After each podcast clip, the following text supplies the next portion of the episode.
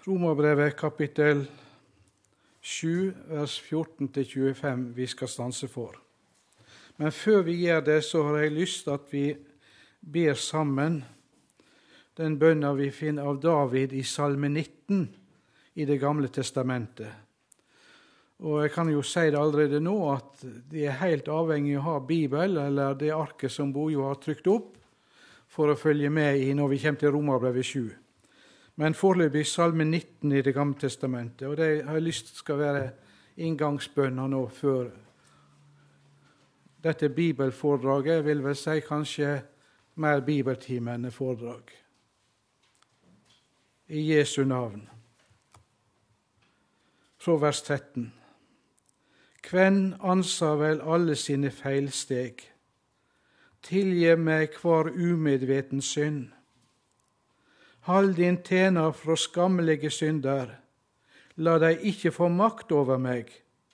Så vert eg ulastende og uten skyld for store misgjerninger.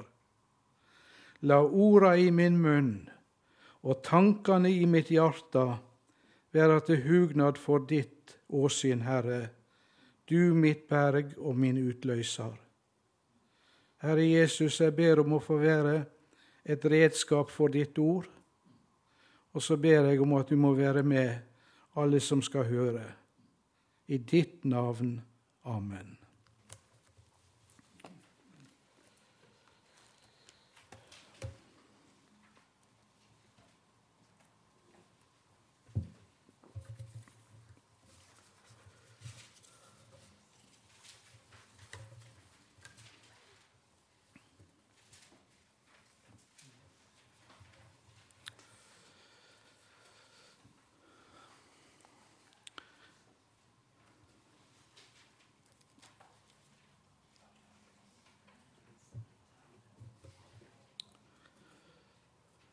Ja.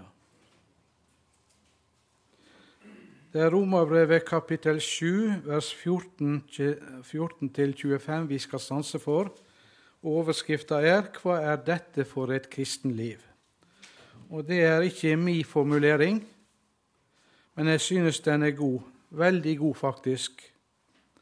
Og så får jeg antyde disposisjonen først.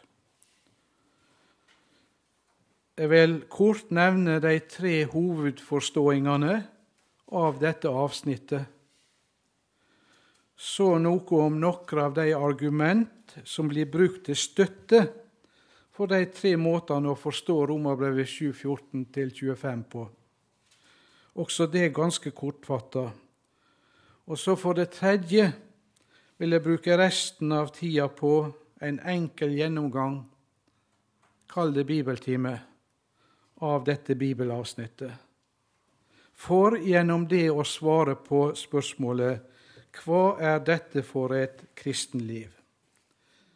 La oss nå aller først lese Romerbrevet 7,14 og følgende. Det er jo Guds ord vi er samla om, og ikke så mye de ulike, de ulike meningene som mennesket kan hevde.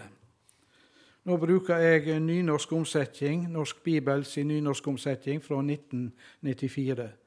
Nå har jo Norsk Bibel revidert den bokmål nå i 2007, men det har ikke skjedd med den nynorske. Men det burde vært gjort.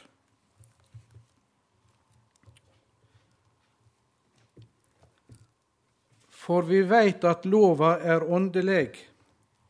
Jeg derimot er kjøtleg Seld til trell under synda. Jeg skjønner ikke det jeg gjør, for det som jeg vil, det gjør jeg ikke. Men det som jeg hater, det gjør jeg. Men gjør jeg det som jeg ikke vil, da held jeg med lova i at hun er god. Så er det ikke lenger jeg som gjør det, men synda som bor i meg. For jeg veit at i meg, det vil seia i kjøtet mitt, bur ikkje noko godt. For viljen har eg, men å gjere det gode maktar eg ikkje. Det gode som eg vil, det gjør eg ikkje, men det vonde som eg ikkje vil, det gjør eg. Men gjør eg det som eg ikke vil, da er det ikke lenger eg som gjør det, men synda som bor i meg. Jeg finner altså den lova for meg, jeg som vil gjøre det gode, at det vonde ligger meg for handa. For etter mitt indre menneske sier jeg med glede ja til Guds lov. Men i lemmene mine ser jeg ei anna lov, som strir mot lova i mitt sinn, og som tek meg til fange under syndelova som er i lemmene mine. Jeg elendige menneske, hvem skal fri meg fra denne dødens lekam? Gud være takk ved Jesus Kristus, vår Herre. Jeg, slik som jeg er, tjener da Guds lov med mitt sinn, men syndelova med kjøtet mitt.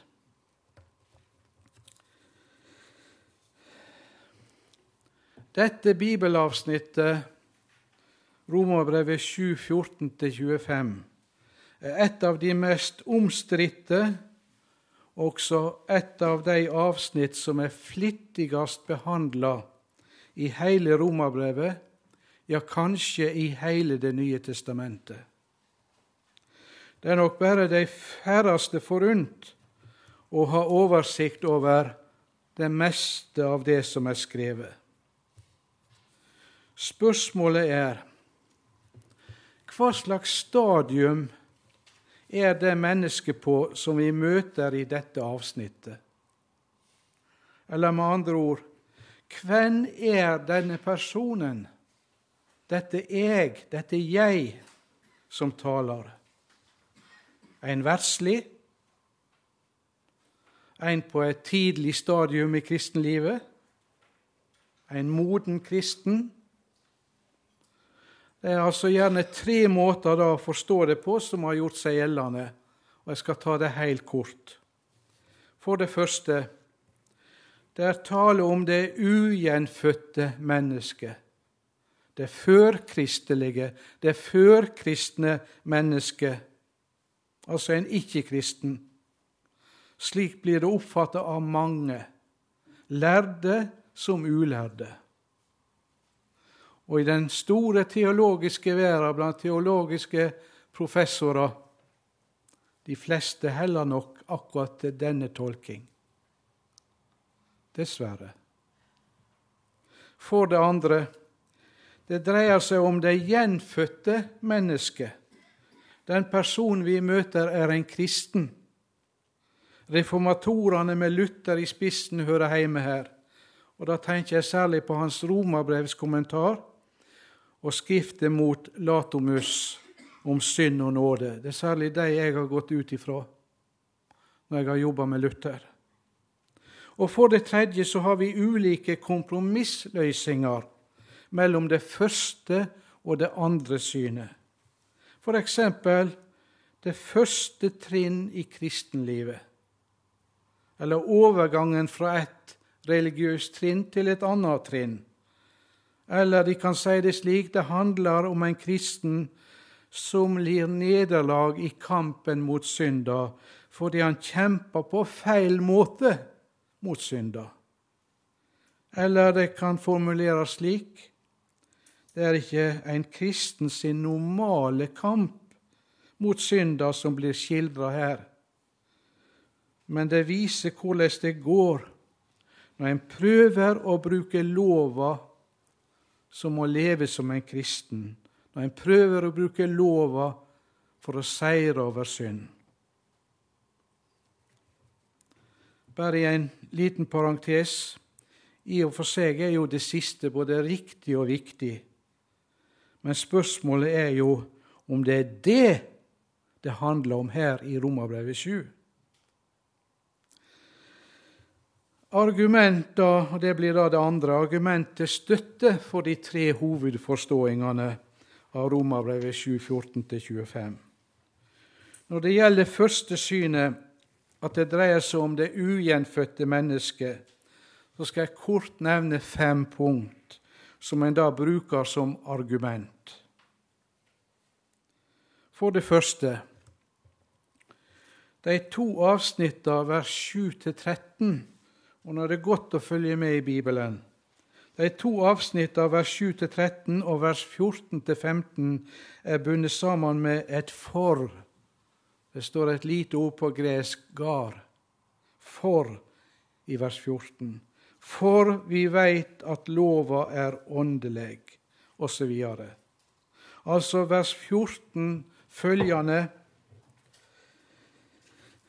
er en begrunnelse, ei grunngjeving, for det foregående.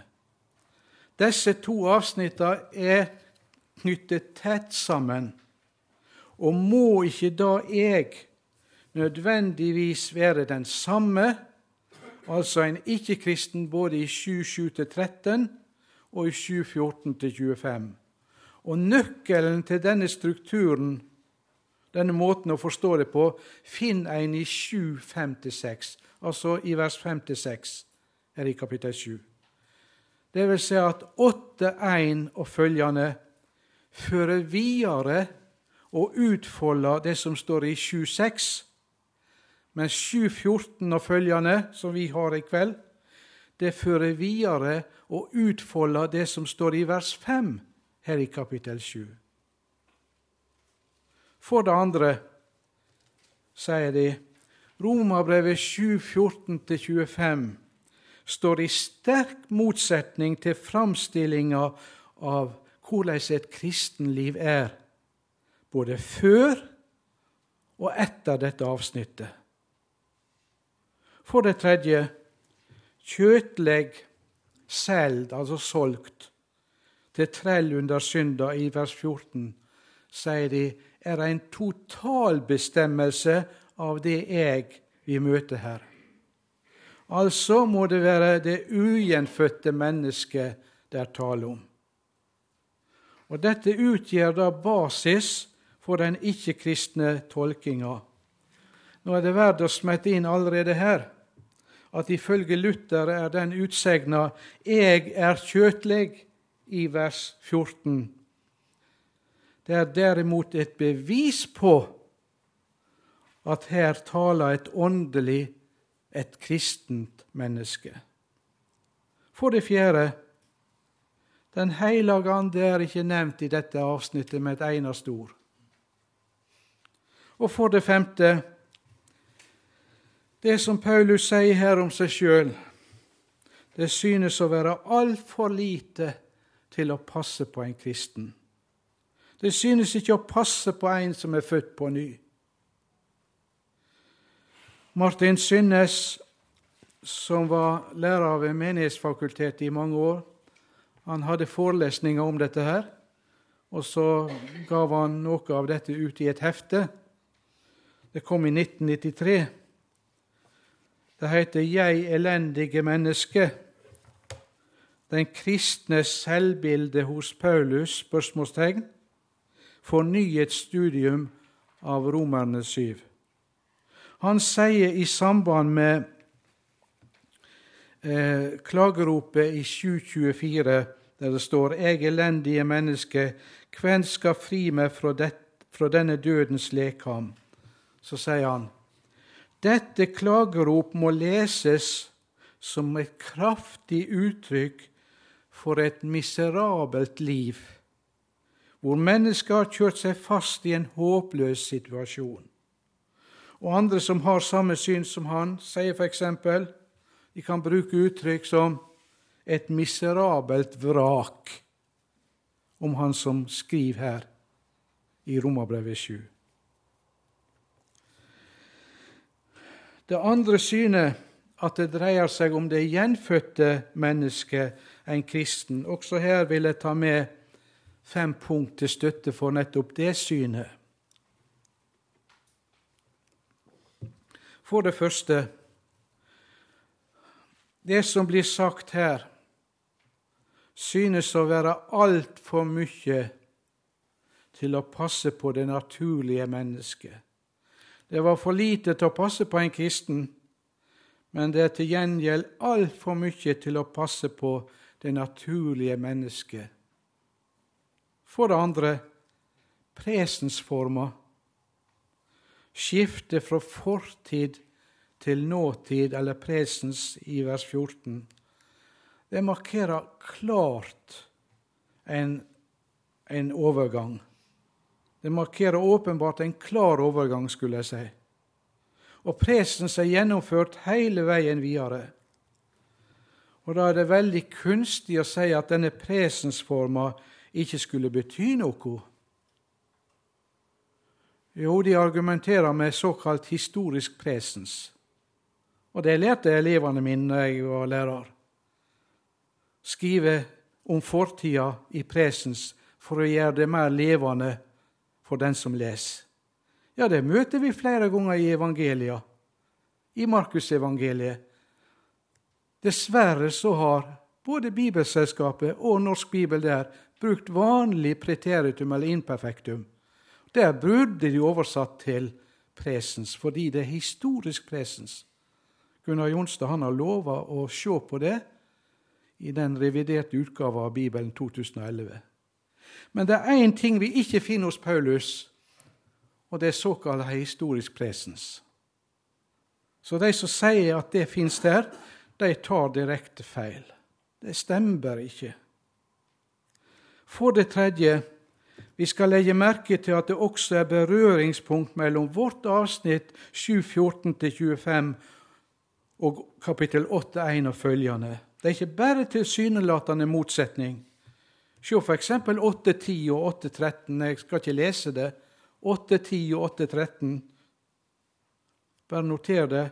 Dessuten, det er jo ei frukt av Guds ånd, Kristi ånd, når en ser lova slik som den er skildra i 7.14 og følgende. Og så i forlenging av det, for det fjerde, overgangen til kapittel 8 om å vandre i Anden, vandre i Guds ånd. Det skjer ikke ved et 'men' på gresk, Allah. Og det betyr 'men', men derimot, men tvert om. Men det står ikke her, men det står et 'ara'. Så, altså. Og det betyr at det som kommer i kapittel 8, det blir innført ikke som ei motsetning, men som ei følge. 8.1 og videre utover avløser ikke det foregående og fører over i en ny tilstand. Og for det femte vers 25. Og Jeg gleder meg til at jeg kommer til det, det verset helt på slutten. Men vers 25 er altså ei slutning, en konklusjon på og ei sammenfatning av hele avsnittet fra vers 14 av. Og vers 25 er også sjølve beviset på at apostelen hele tida fra 7.14 av har talt om et menneske som er født på ny. Og Luther han sier om dette vers 25, og jeg har hele sitatet med meg, det kan du eventuelt spørre om, så skal du få det, men han sier det at dette er den aller tydeligste staden som viser hvem det er tale om i Romerne 7. Når det gjelder tredje synet, kompromissløsninga, en mellomvei, så vil jeg bare sitere fra studiebibelen. Du kjenner disse fem store verka, hver er på over 1000 sider. Og jeg har hatt stor glede og har stor glede av studiebibelen og særlig det bind fem med gresk-norsk ordbok. Men de sier i bind tre, fra 1979, side 605, hvis du ville sjekke En kan si det slik at mannen i Rom, Romerbrevet 7 er altfor gudfryktig til å være en synder, og altfor bundet i synden til at han skulle leve et rett kristenliv. Og videre, merk hvordan en grunngir dette synet når det står en kan ikke gjøre seg håp om å trekke noen endelig konklusjon i en sak som kristenheten har diskutert under hele sin historie, og det er sant. I grunnen kan en bare legge fram de argumenter som anføres for de forskjellige syn.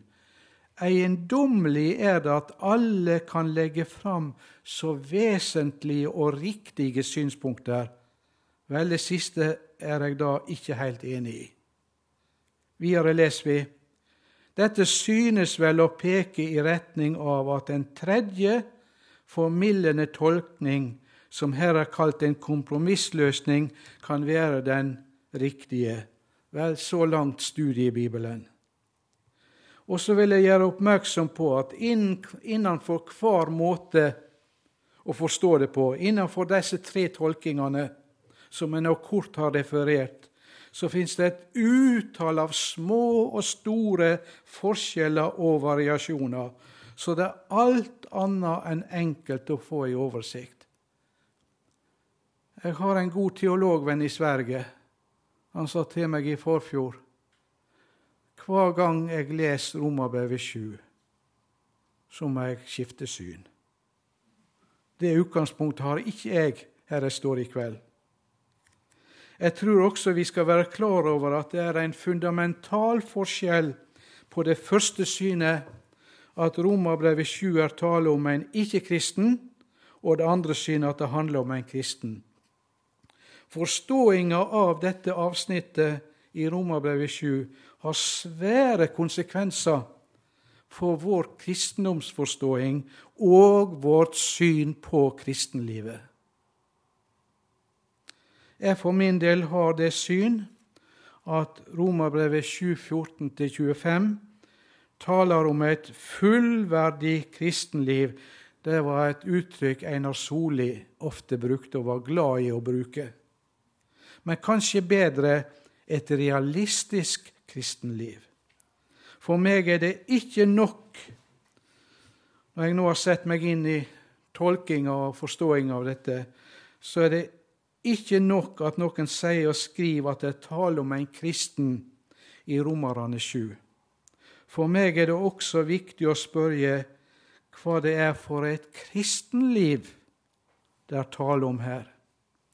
Ved den forståinga at det handler om et fullverdig, et realistisk kristenliv, så har viktige brikker fallet på plass med tanke på hva det vil si å leve som en kristen eller helliggjørelsen, som vi sier.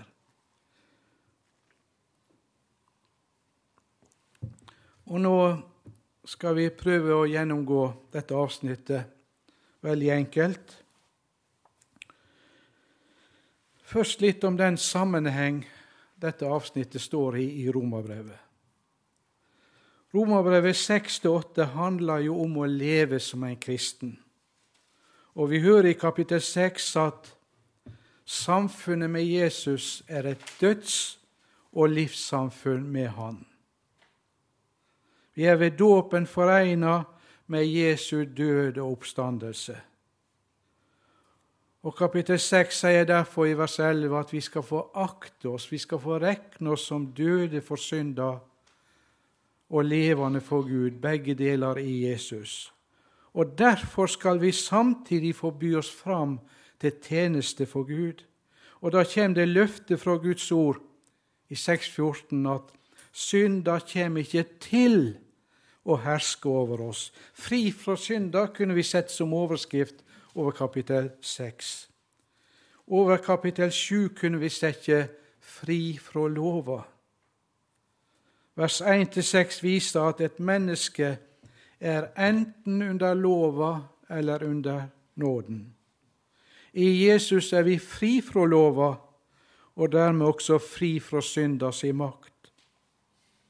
Vers 7-13 her i kapittel 7.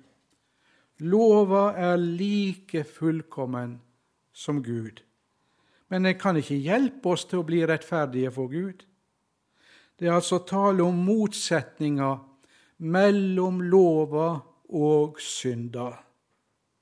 Og merk så i Romerbrevet 7, 14-25 holder Paulus fram med å tale om motsetninga mellom lova og synda i han sjøl. Det handler om motsetninga mellom lova som er åndelig, og mennesket som er kjødelig. Lova kan ikke bryte synders makt i vår synda si makt i kjøtet i vår syndige, medfødte natur. Og så blir det splid. Så blir det kamp i en kristen. Og den er permanent. Merk presensforma. Det er spliden, kampen, mellom det gamle og det nye mennesket det handler om. Romabrevet 7.14-25 faller i tre avsnitt, naturlig i tre avsnitt.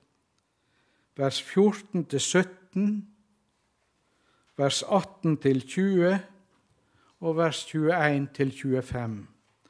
Og egentlig så kommer de samme tankene igjen men en kan si i litt forsterka form og med litt variasjoner og presiseringer gjennom disse tre avsnittene.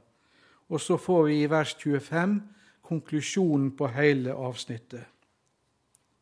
Da begynner vi. For vi veit at lova er åndelig, sier apostelen i vers 14. Dette vi i vers 14. Vi veit det går på de som har gjort de nevnte erfaringene under lova, som det er tale om i avsnittet framfor, vers 7-13. Og Derfor er dette for så viktig.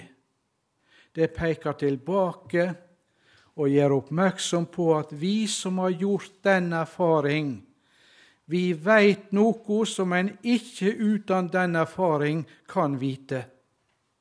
Vi veit at lova er åndelig. Guds heilage lov kan ikke oppfylles med gjerninger bare. Lova krever hele hjertet. Lova krever hele personen.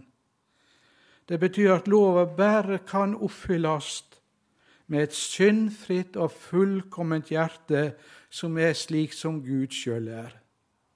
Lova kan bare oppfylles med et sinn som stemmer overens med lova. Jeg derimot er kjøtlig, altså i meg sjøl, etter min natur, og seld, solgt altså, solgt til trell under synda, eller litt kortere, selv under synda. Det gjelder også min medfødte natur syndige natur, slik den er blitt etter syndefallet. Men nå er det to måter. Jeg må nesten ta med litt av det. da. For på hele flyturen fra Flesland til Gardermoen i dag så satt jeg bare og stirra på den greske teksten her. Om det skulle være enda litt mer å, å få med. Det er masse jeg har igjen av, men da var det den greske teksten som, som jeg satt der med. Og Da er det to måter å lese siste del av vers 14 på. Og Begge måter kan være med samtidig. Den første Jeg skal ikke gå veldig i detaljer, bare oversette sånn som det blir. da. Den første er slik For jeg som kjødelig Da sier jeg ikke 'jeg er kjødelig'. For jeg som kjødelig er blitt solgt. Er blitt solgt og Da ser vi bort fra at det står et komma etter 'eimi er', altså i grunnteksten. Og det har vi lov til. Er blitt solgt under synda, og er fortsatt, er stadig vekk solgt under synda. Her står det nemlig på gresk perfektumsform, og det betyr, så er det veldig fint, det nåtidige, blivende resultat av ei fortidig handling. Det er blitt sagt at det er den viktigste eksegetiske forma på gresk. Kanskje. Den andre måten å lese det på, sånn som flere omsetninger gjør, og har valgt, og det har vi også i norsk bibel For vi veit at lova er åndelig. Jeg derimot, men jeg Dette jeg må ha sterk betoning. Jeg er kjødelig, komma, seld under synda, og er fortsatt solgt, stadig vekk solgt. Men da skal du merke at det står et partisipp der på gresk. Pepramenos står det. Men da er det partisippet, og litt sånn grammatikk nå, men jeg skal ikke ta med så mye seinere, da er det adverbielt brukt, som vi kan tolke i retning av ei begrunnende setning. Og da blir det sånn Jeg er kjøtelig, da jeg jo er selv, eller fordi jeg er selv under synda. Og der ser du at siste leddet der, selv under synda, det er ei utdyping av hva som ligger i å være kjødelig. Ikke mer om det nå. Men jeg nevnte at kjødelig, selv til trell under synda, utgjør basis, det er så å si hele grunnlaget for den ikke-kristne tolkinga. Greier du å rive den vekk, så faller resten av seg sjøl. For dette er, sier de, en total bestemmelse, det totale bildet av det jeg vi møter. Altså er det her ikke tale om en kristen. Og den avgjørende innvending mot denne tolkinga er at kjødelig og solgt eller solgt under synda skal og må leses i sin sammenheng. Og hva er sammenhengen? Apostelen Paulus forklarer nemlig i vers 15-17 og videre hva som er meint med 'eg derimot er kjødelig, selv under synda'. Og la oss nå se litt på det. Jeg skjønner ikke det jeg gjør. For det som jeg vil, det gjør jeg ikke. Men det som jeg hater, det gjør jeg. Vers 15. Det ligger på linje med det vi kan si sjøl. Jeg forstår meg ikke på meg sjøl. Jeg skjønner ikke hvordan jeg egentlig er. Her vil jeg gjøre det gode, og så gjør jeg ikke det som jeg vil. Så vil jeg være rein og heilag og ulastelig, også i mitt sinn, uten andre motiv enn de som er født av Gud i mitt hjerte. Og så jeg, og så oppdager jeg at dette som jeg ikke vil, det er der. Og det gjør, og jeg gjør det jeg ikke vil. Men gjør jeg det som jeg ikke vil, står det videre i vers 16, da held jeg med lova i at hun er god.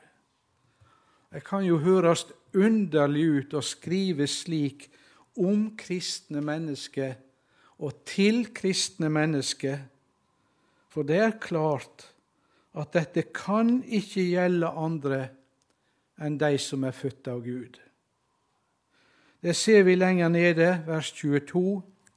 For etter mitt indre menneske sier jeg med glede ja til Guds lov, eller ei tidligere omsetning som er litt nærere grunnteksten. Jeg har lyst til Guds lov etter mitt innvortes eller etter mitt indre menneske. Og i vers 18.: For viljen har jeg, sier han, men å gjøre det gode Gjøre der Jeg må nesten ta med det. Det står katagatsomai. Nå er det brukt tre ulike ord for å gjøre her i Romerbrevet 7. Men det er kun dette ene som er litt spesielt. Katagatsomai. Det er bl.a. brukt her.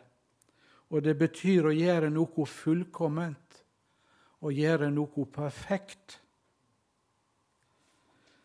Jeg kan aldri jeg kan aldri fullgjøre det gode, var det Einar Soli som sa en del ganger. Det var et nytt ord han innførte i norsk, for det finner du ikke i ordlista, å fullgjøre eller fullgjøre. Men vi forstår meninga. Jeg kan aldri gjøre det gode på fullkommen måte.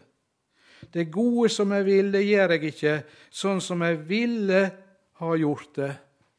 Det er alltid noe som hefter ved det, og i en parentes og Derfor trenger vi også syndenes forlatelse for våre gode og for våre beste gjerninger. Altså, den vilje som Gud skyld har født i meg, makter jeg ikke å leve opp til. Vi kan, si noe, vi kan ikke si om et menneske som ikke er født av Gud, at viljen har jeg, eller jeg har lyst til Guds lov etter mitt indre menneske. Det kan bare den si som er født av Gud. Nå kunne det for ei overfladisk betraktning se ut som det ikke skulle være mulig for en kristen å unngå å synde. Og det apostelen vil si, er faktisk det er ikke mulig for oss kristne å unngå det. Det er ikke mulig å unngå at synda bryter ut. At vi opplever at etter kjøtet, etter vårt gamle menneske, kan vi ikke annet enn å tjene synda. Vers 18. For jeg veit at i meg, det vil si i kjøtet mitt, bor ikke noe godt. Vers 19. Det gode som jeg vil, det gjør jeg ikke. Men det vonde som jeg ikke vil, det gjør jeg. Paulus han kan med det han skriver her i vers 19, umulig ha meint å si jeg gjør, bare, jeg gjør bare gale ting. Jeg gjør bare vonde ting. Jeg lever et liv som på alle vis er i strid med Guds vilje. Da vil han jo kollidere fullstendig med ting han sier ellers. Så poenget kan selvsagt ikke være ikke være å sier at han lever et syndefullt liv, og at det er det som preger livet hans. Men hva betyr det da?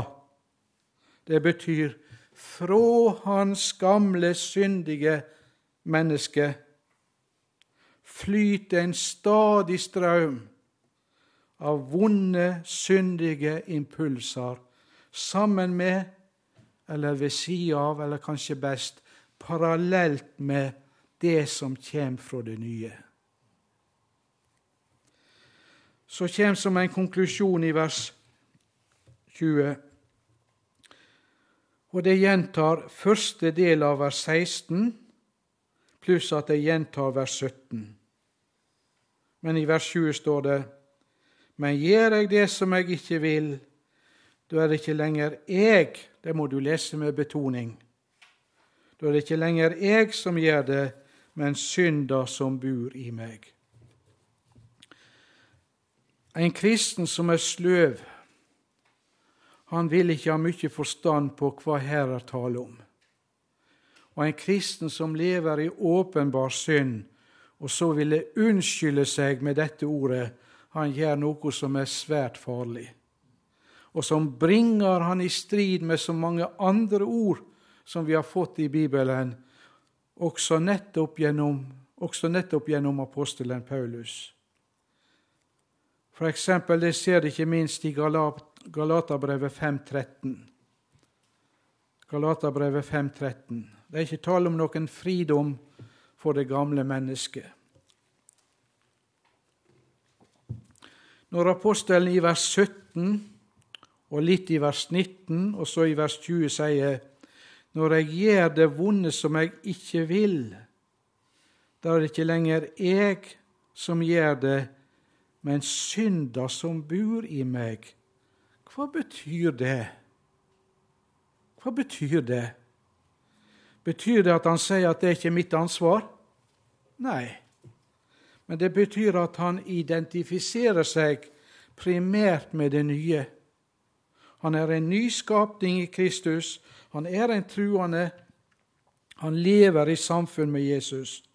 Men så må han bare konstatere at etter sitt gamle menneske så er han syndig.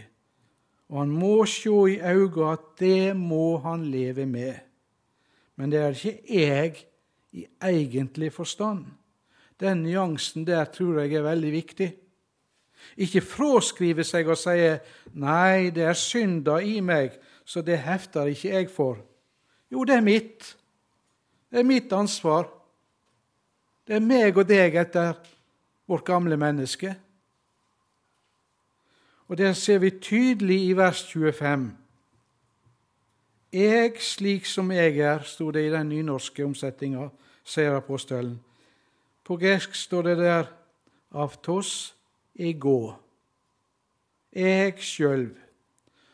Merk at dette 'jeg' er veldig sterkt utheva. Ja, det har fått dobbelt betoning.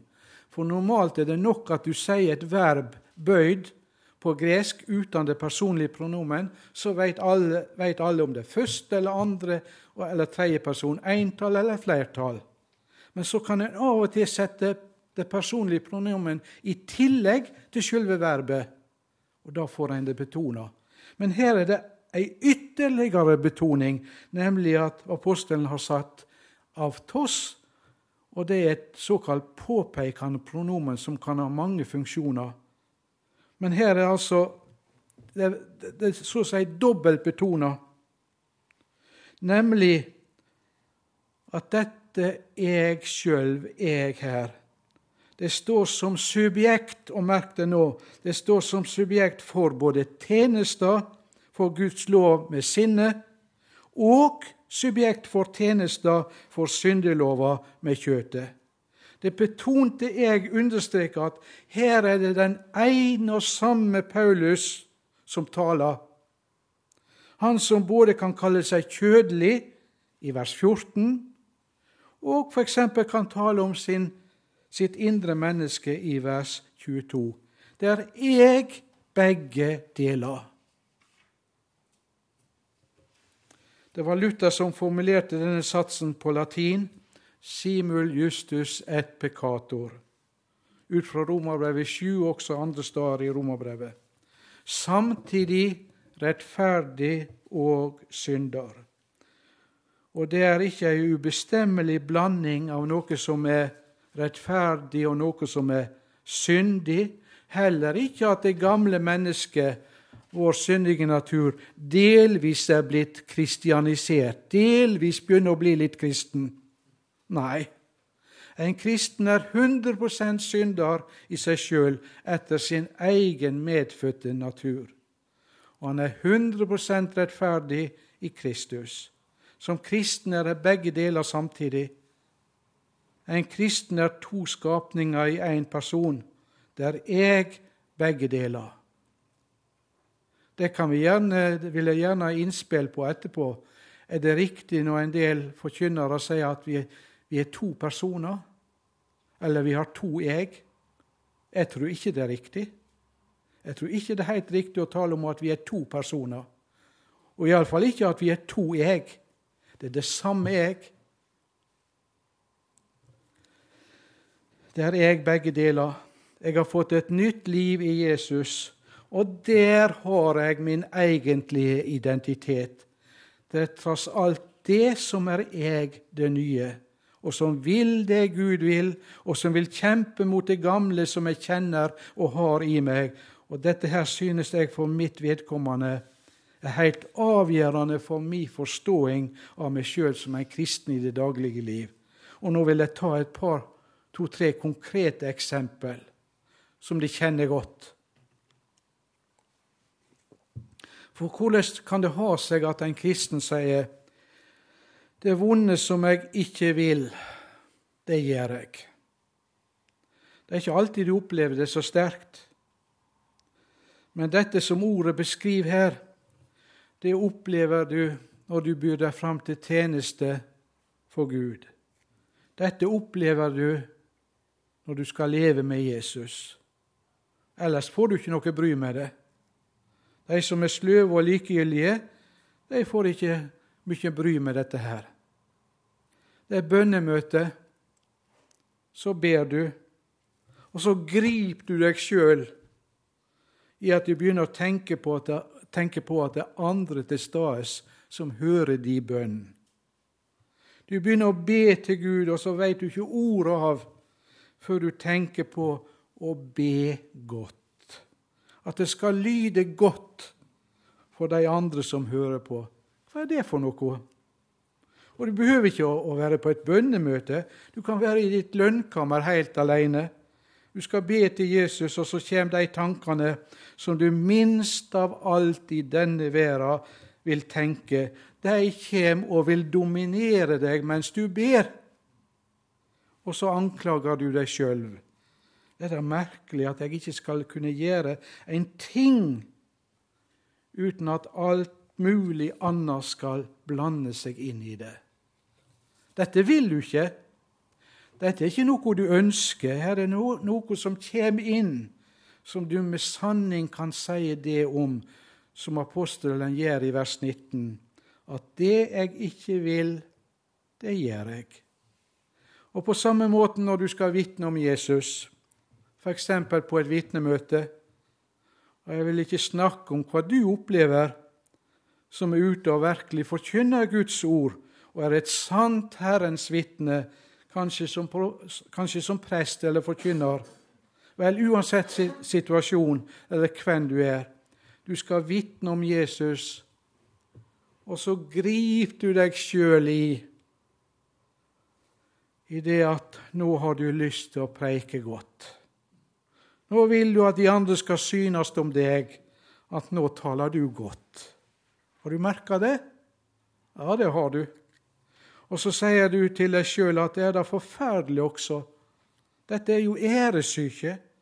Jeg har lyst til å bli lagt merke til og få ære av mennesket.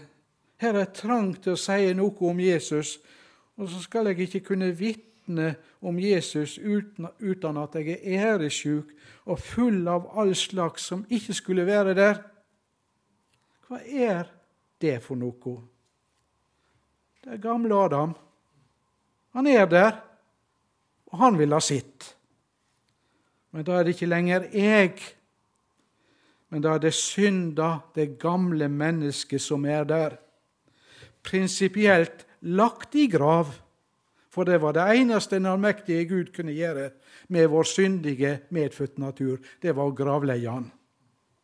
Men i praksis irriterende oppegående.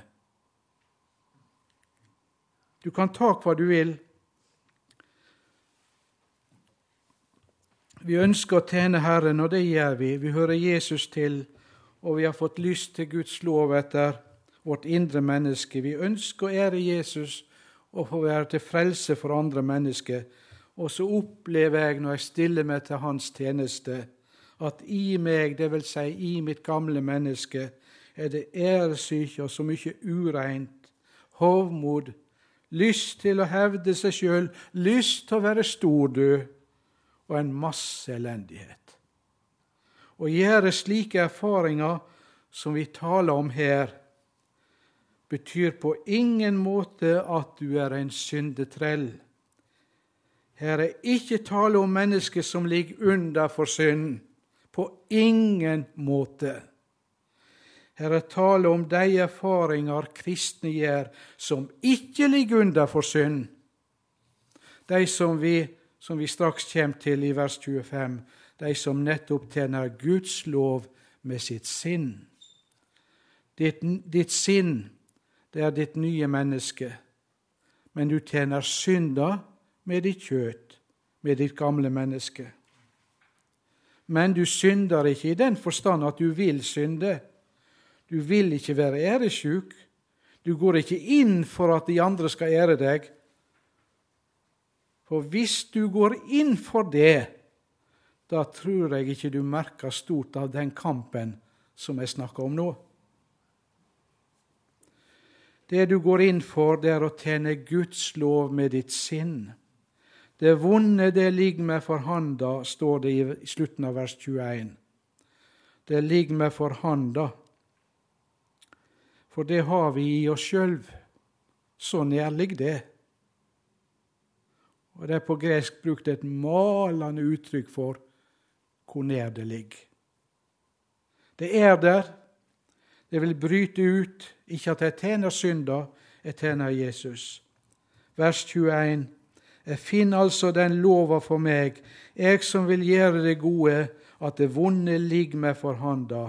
Jeg finner altså den lova for meg. Lov betyr her den tinga sin tilstand, det herskende prinsipp, den herskende makt, den lovmessighet, kunne vi si, det er som ei naturlov. Jeg finner den lova for meg, nettopp som vil gjøre det gode, at det vonde ligger meg for handa. Det er ei lov i mine lemmer, vers 23 jeg ser ei anna lov, står det. Og Der er det brukt det samme, om lovmessighet, prinsipp. Det er i mine lemmer, den er i mitt gamle menneske, og denne lova gjør to ting. Den strir mot lova i mitt sinn, da er det tale om Guds lov. Og for det andre, den tar meg til fange under syndelova som er i lemmene mine. Ja, men sånt kan vel ikke sies om en kristen. Jeg sa det nettopp. En kristen er ingen syndetrell. Og det er ikke det som står her, og det ser vi av sammenhengen, og det ser vi av det som vi kommer til i vers 25. Det er nemlig to naturer i en kristen. Jeg har den gamle, syndige natur i meg, og den kjenner jeg når jeg lever med Jesus, når jeg tjener Herren. En sløv og likegyldig kristen, han kjenner ikke mye til disse kampene. Han har lett for å unnskylde hvis det er noe gale. Ja, vi er jo slik av naturen. De får ta meg som jeg er. Det kan ikke en kristen si. Men så lenge jeg er her i verden, kan jeg altså ikke gjøre meg fri fra synda og det gamle mennesket. Hvor jeg snur og vender meg hen, så følger det gamle mennesket med meg som min egen skygge. Og jeg har tenkt på han som skulle flytte fra nissen, veit du. Og så var han kommet vel av gårde. Så veit De hvordan det var. Jeg tenker vi flytter i dag, vi to, sa nissen til han. Og sånn er det med det gamle mennesket. Men der ligger òg en stor fare for oss. Hvis jeg regner med det at som kristen skulle jeg være kvitt alle slike impulser, at jeg aldri skulle kjenne at det fantes æresyke i meg eller andre synder. For det er jo ikke ende på hva som er i det gamle mennesket av synd og vondt. Jeg er ikke blitt så gammel selv om jeg snart blir pensjonist. Men det gamle mennesket blir ikke lettere med åra. Hvis du tror det, så må du tenke om igjen. Det gamle mennesket blir ikke lettere med åra. Hvis jeg skulle regne med at dette skulle ikke være hos meg som en kristen, så vil jeg snart avspore. Og det er det mange som gjør i dag. Enten måtte jeg fortvile, eller så vil jeg havne i vranglære. I alle tilfeller vil det gå galt. Jeg må regne med kjensgjerningene som de er, og det er det apostelen vil vi skal gjøre. Synda og det gamle mennesket, det kommer til å følge meg overalt og inn i det beste jeg gjør, så lenge jeg er her, er her i verden. Jeg elendige menneske, hvem skal fri meg fra denne dødens lekam? spør apostelen i vers 24. Vi står altså oppe i en situasjon som kristne. Vi har en hard strid. Det er en kamp som en kristen ikke kan bli fritatt fra, og som han aldri blir ferdig med. Så får vi være villige til å leve i den spenninga ja, vi skal med glad frimodighet akseptere vår situasjon som samtidig rettferdig og synder. For hva er det Paulus nå gjør på slutten av Romerbrevet 7? Konklusjonen kommer i vers 25. Her sammenfatter han i nåtid, i presens, hele den situasjonen han har skildra i vers 14-24. Gud være takk ved Jesus Kristus, vår Herre.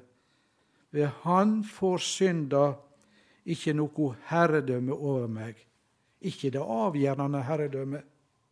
Og vi skal en dag bli fri fra det gamle mennesket, det er sant, men merk det likevel hva han så sier videre. Og dette har jeg gledd meg til å forkynne i kveld. Hva sier han så videre? Det hadde jo ikke vært så rart om apostelen hadde sagt Gud være takk.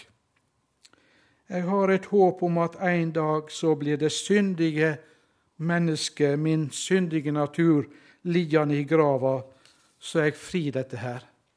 Det hadde vært naturlig, og det kan han juble over andre steder. Men det er ikke det han gjør her. Han sier så tjener jeg da på den ene sida Guds lov med mitt sinn. Jeg er i tjeneste, fullt ut i tjeneste med det nye. Mitt sinn, det er mitt egentlige jeg. Det er min djupeste vilje. Det er min innerste trang. Det er mitt innerste vesen. Med det tjener jeg Guds lov. Og det er det egentlige, det er det reelle, det er det faktiske, altså. Så tjener jeg, og så tjener jeg på den andre sida syndelova, eller synda, med mitt kjøtt. Det kan jeg ikke unngå. Kjøtet, mitt gamle menneske, kommer ikke lenger enn til det. Men det er ikke kjøtet, det gamle mennesket, som dominerer meg, og som har det avgjørende herredømme over meg. Det er det Jesus som har. Tjener du Guds lov med ditt sinn, så får det gamle mennesket ikke overhånd over deg, tross alt. Men det blir ei plage og en elendighet så en spør seg når skal jeg, når skal jeg bli kvitt dette? For med det gamle mennesket kan vi ikke tjene Gud. Og det burde bli sagt på alle årsmøter, alle generalforsamlinger, jeg tenker i kristen sammenheng. Med det gamle mennesket kan vi ikke tjene Gud. Det gjør ikke annet enn å tjene synder, det. Gud kan vi bare tjene med det sinn som er født av Gud i oss. Og dette er mitt kår, og sånn kan jeg få lov å leve. Dette er sagt til trøst for kristne. Det er ikke grunn til å fortvile. Herren har nemlig gjort det mulig for et syndig menneske som deg og meg, som er og blir syndig i seg sjøl, å leve som en frimodig kristen, fordi han samtidig er en ny skapning i Jesus Kristus. Og dette er ikke et pessimistisk syn på kristenlivet, men det er et realistisk. Falsk optimisme det er ingen fordel. Men realisme, ja. Det er et slikt kristenliv apostelen taler om i Romerbrevet 7.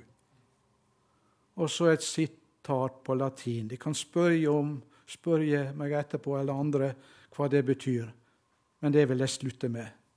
Som ei oppsummering av alt det vi har hatt i dag. Pekka fortiter, krede fortius. Pekka fortiter, krede fortius. Amen.